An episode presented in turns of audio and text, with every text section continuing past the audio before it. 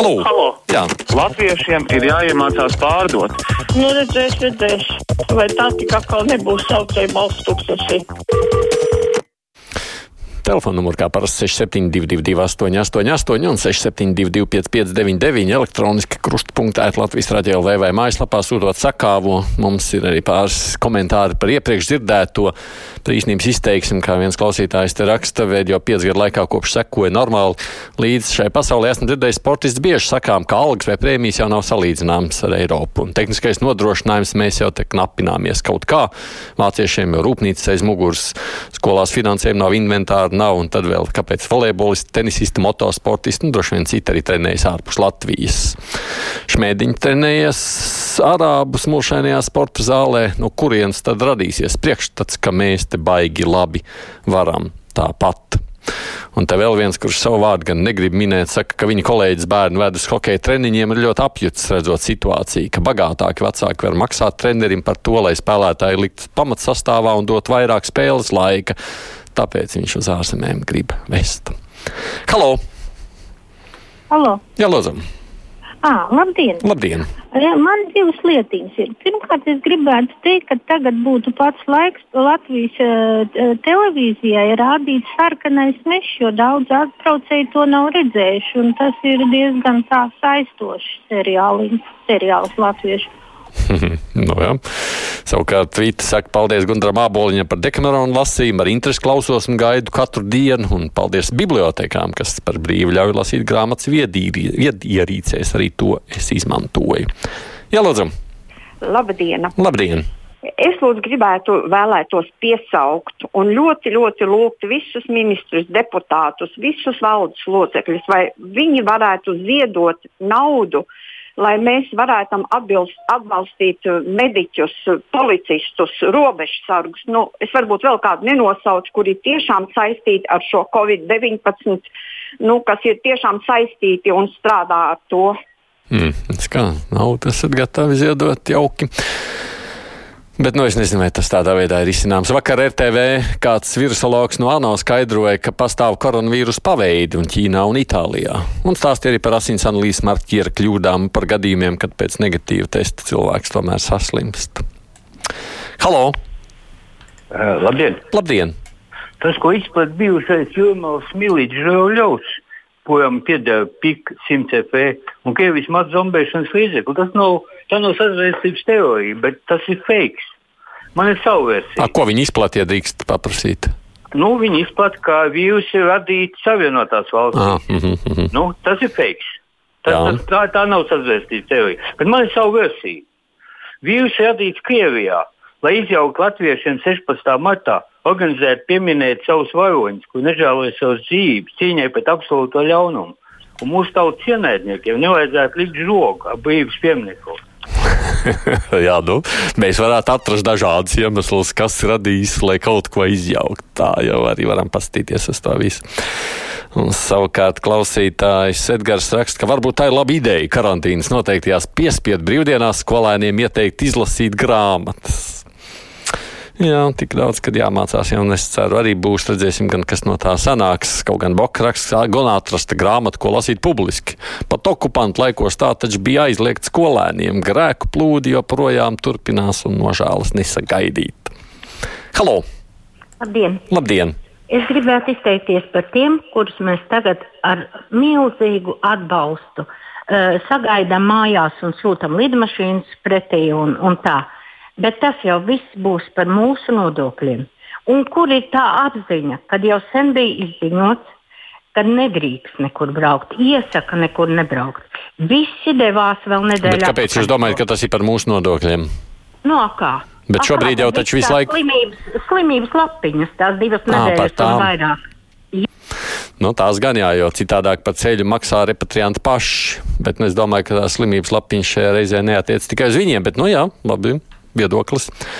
Edmunds raksta, ka AliExpress no šodienas aptur visas sūtījumus uz Latviju. Kas pasūtīts atnāks, bet neko vairs pasūtīt nevarēs. Interesanti, kāpēc? Vai Edmunds jums ir kaut kāda plašāka informācija? Tas man īstenībā šķiet mm, jautājums. Halo! Halo, labdien! Labdien! Vakardien raidījumā klausījos un domāju, nu kā tā var. Viens indivīds atļāvās mirgāties par doktoriem un veikalniekiem, jā, pārdevējiem. Konkrēti teiks, liels, liels, liels paldies. Interesanti, vai tas indivīds varētu ar paldies izdzīvot un paēst. Konkrēti prezidents tas bija. Ah, nu, labi, tur būtu garāk atbildi, tāpēc varbūt uz šo es tālāk tā nevarēšu atbildēt. Runājot par to dezinformāciju, Agita raksta attiecīgās iestādes tiešām aicina pievērst tam, kas skan radio Baltkometrā. Tikko 12.15 bija jāklausās, kā valdība neko nedara, satiksmes ministrs guļ, atbraukšiem nekādas pārbaudas nav veikts un tādā attiecīgā mērcē. Citreiz varbūt teikt, ka tā ir viedokļa dažādība, bet gribas jau jautāt, ar kādu mērķi tas viss tiek darīts. Un šķiet, ka mērķiecīgi tiek strādāts ar konkrētu auditoriju. Mm. Halo! Uh, labdien! Labdien! Uh, paldies valdībai par darbu un arī žurnālistiem jums. Un, uh, man tāds priekšlikums būtu, uh, vai varētu lūdzu uzaicināt Juriju Rubeni mācītāju.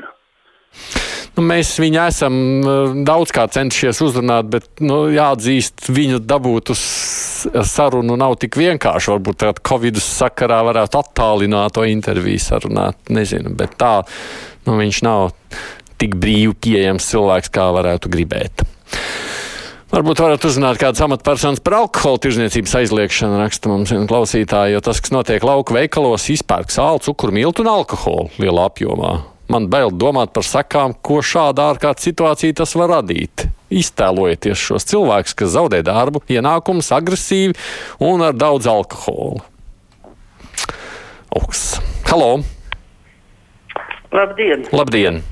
Ceru, ka tie ierobežojumi būs vismaz līdz 15. maijam, un mums nebūs Rīgā, ne Daugopilī, ne Rezeknē jāredz tās sarkanās orģijas. Paldies!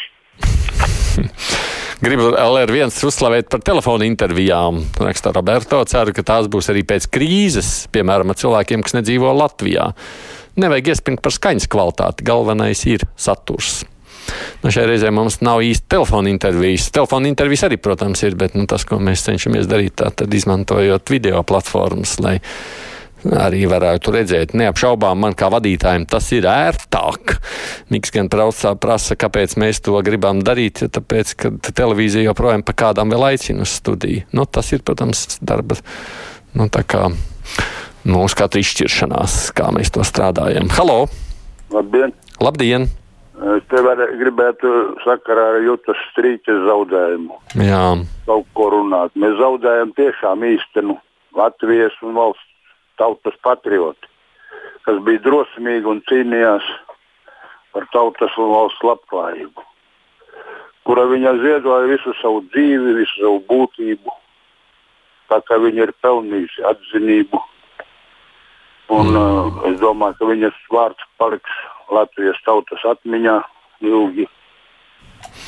Jā, no tā vakardienas bija ziņa tāda, kā zibens spēriens no skaidrām debesīm, ko pat tā grūti tiešām aptvert. Es arī saku visu dziļāko līdzjūtību bija katram tur tuviniekam un draugiem, kas palikuši. Niks raksta, Latvija saistībā ar Covid iekritīs uz netaisno sistemātiku. Tātad cilvēkiem, kam naudu var atļauties ceļot, analīzes ārsts pa brīvu, bet tiem neturīgākajiem policējiem no atlaižiem ne, nav atlaižu no maksas. Nu, es gan arī iesaku netaisīt analīzi, tad, ja tur nav pamata. Tas man šķiet neko nu, neredz, ka dotu. Halo! Labdien! Labdien! Es gribētu par to koronavīrusu. Mm -hmm. Tā ir dieva sodība cilvēcei visai pasaulē šitas, tāpēc, ka cilvēki nav, kādi ir tagad.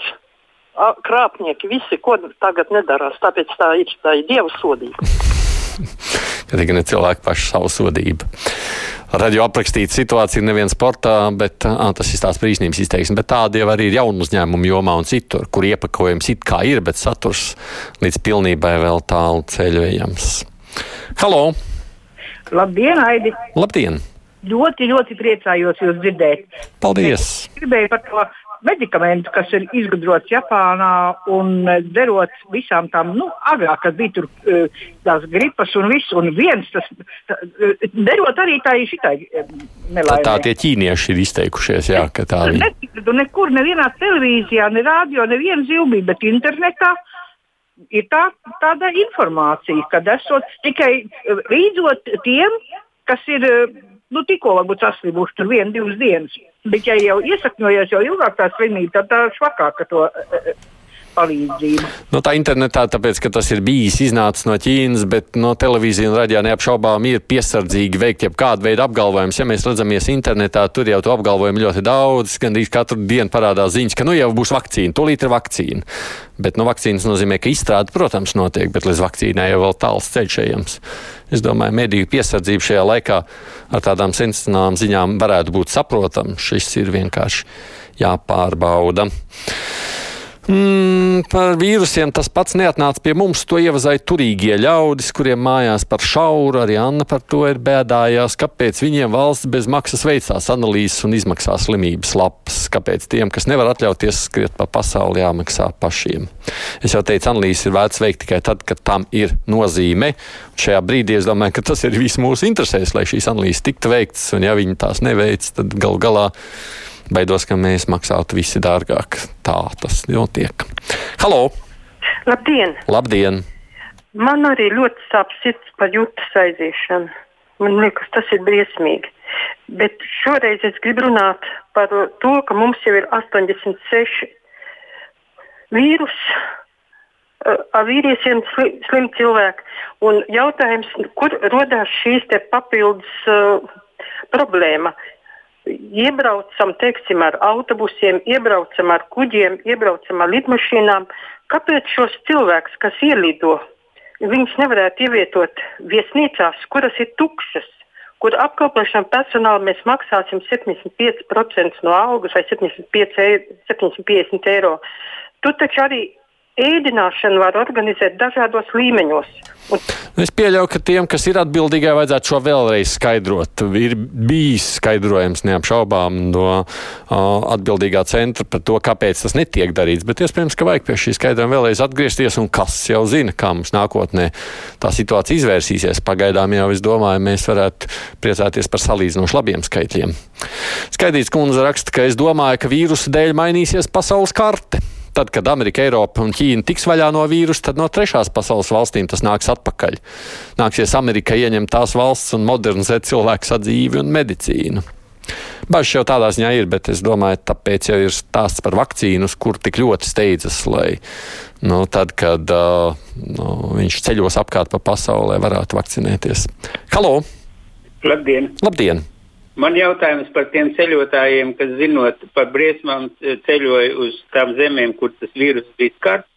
Tagad, atgriežoties, viņi saņēmuši biļetenus uz valsts rēķina un dodas, e, kā varēja izskanēt internetā, mašīnu piepūdums pie Latvijas dabas takām. Acīm redzot, viņi tur turpina savus ceļojumus. No labāk jau, ka pie dabas takām nevis nu, veikalos kaut kur, vai ne? Mēs varam par to bēdāties par netaisnību kā tādu, ka tas tā ir, bet, uh, kā jau es teicu, tas gal galā beig beigās ir visu mūsu drošībai, lai viņi būtu karantīnā un nevis slēptos kaut kur. Paldies, ka visiem rakstījāt, zvanījāt ziņas, un tad mēs runāsim par ekonomiskajiem izaicinājumiem.